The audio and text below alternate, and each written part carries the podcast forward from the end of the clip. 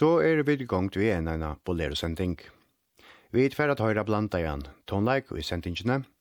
Tonleik etter Gustav Holst, Antonin Dvorak, Jacques Ibert og så Wolfgang Amadeus Mozart. Velkommen til en tøyma vi gåon klassisk om. Velkommen til Bolero. Vi løte fyrir vi at høyra Fyrsta sats ur divertimento nummer 3 i S-stor etter Wolfgang Amadeus Mozart. Mozart var føtter 22. januar i Seichan Sexoltrush i Salzburg, og til i Esterich. Han døg 5. desember i 1691 i Wien. Mozart var eit til tøtningarmesta tonaskald i innan klassisk tonleik, og skriva gjerne sere omfattande skra av verskon, hoast sunn stutta livjaldur. Divers nummer 3 i Estor, er eit dømi om hans herra marstallige evne. Han skriva i vers 20 i 1673, einans 16 år gammal. Det er undrunarverst kose tullje han vurste sunnar tonlegali og snilter. Verset er allerhest skriva som underhald til varsler eller samkommer, og er eit godt døme på evne til Mozart at runarbinda sunnar avhørere.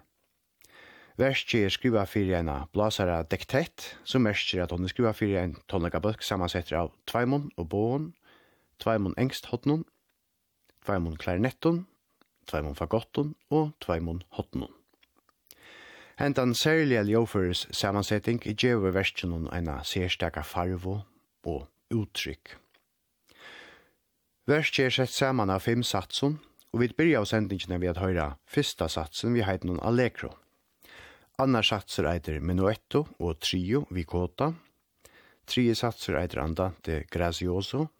Fjore satser eiter adagio. Og sørste og femte satser eiter allegro. Læt okkum bæra læta tonleikin tala fyrir seg sjálvan. Vi færa nu allorst etter Øron 3, 4 og 5 sats i ur Divertimento nummer 3 i Estor etter Wolfgang Amadeus Mozart. Det er Otetto Italiano som framfører, og opptøkene er å finne ugane fra 2006 vi heit noen Wolfgang Amadeus Mozart Music for Wind Music.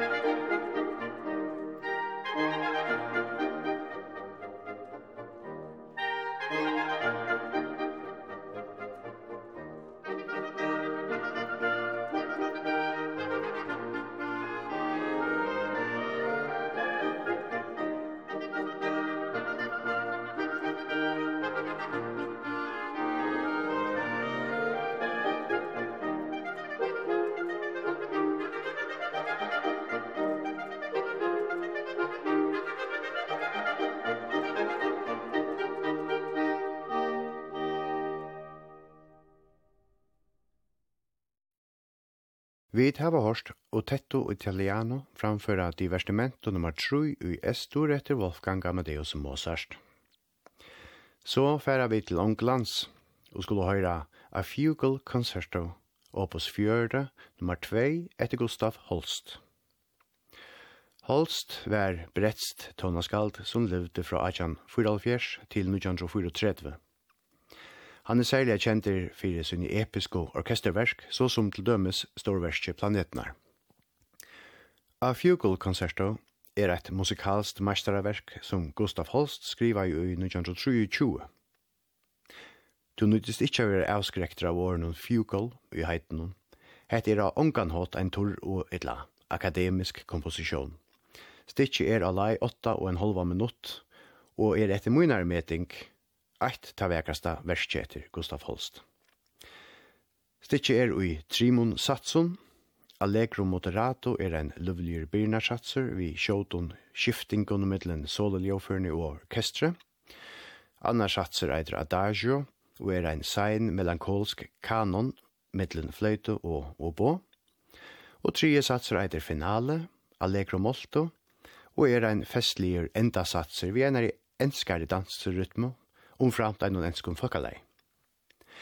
Det er Christopher Hugwood og The St. Paul Chamber Orchestra som framfører, og opptøkene er av utgavene Holst, St. Paul's Suite and a Fugal Concerto fra 1993.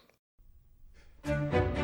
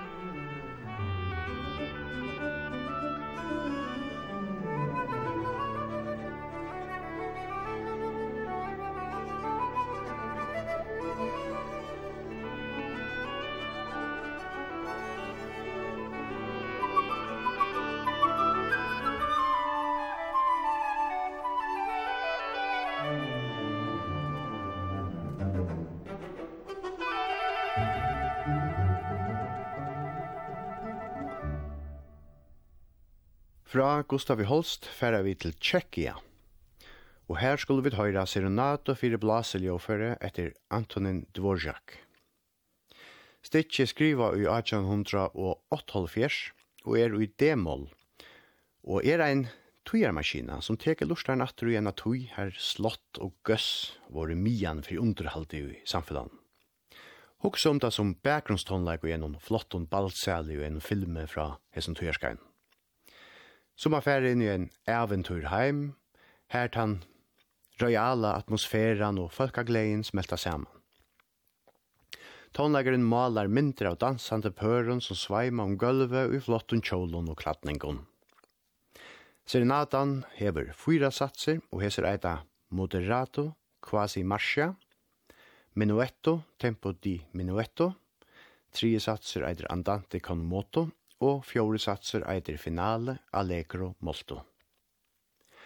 Verst er opprunalige skriva fyrir tvær og bøyer, tver klarnetter, tver fagotter og trujhåten, men sættene leie dvorsak parstar inn fyrir cello og kontrabass fyrir a styrkja basslinjina. Det er Academy of St. Martin in the Fields under Lashlo av Sir Neville Mariner som framfører, og opptøkene kunne ditt høyre av utgavene Dvorak, Serenades, Opus 22, 44, fra 1922. Gjør så vel.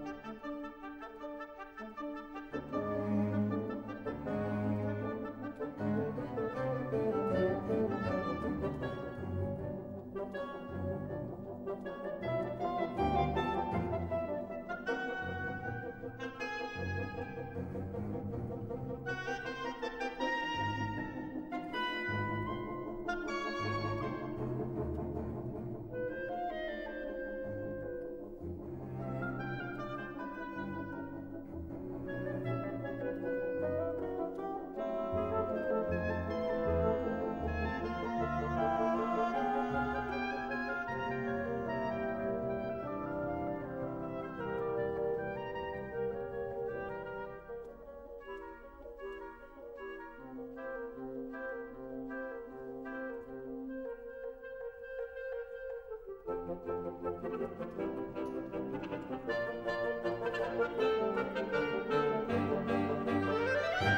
you.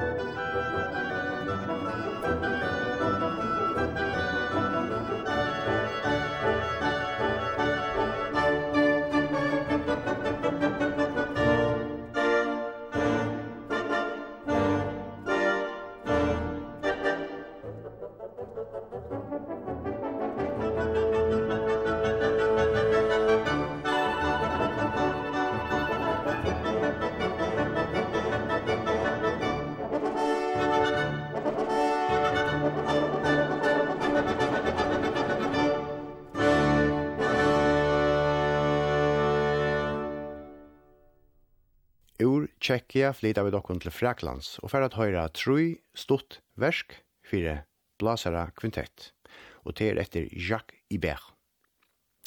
Verskje er som sagt sett saman av Trimon Stotton Stitchon, skriva fyrir bøsk vi fem blasaren etla en blasara kvintett.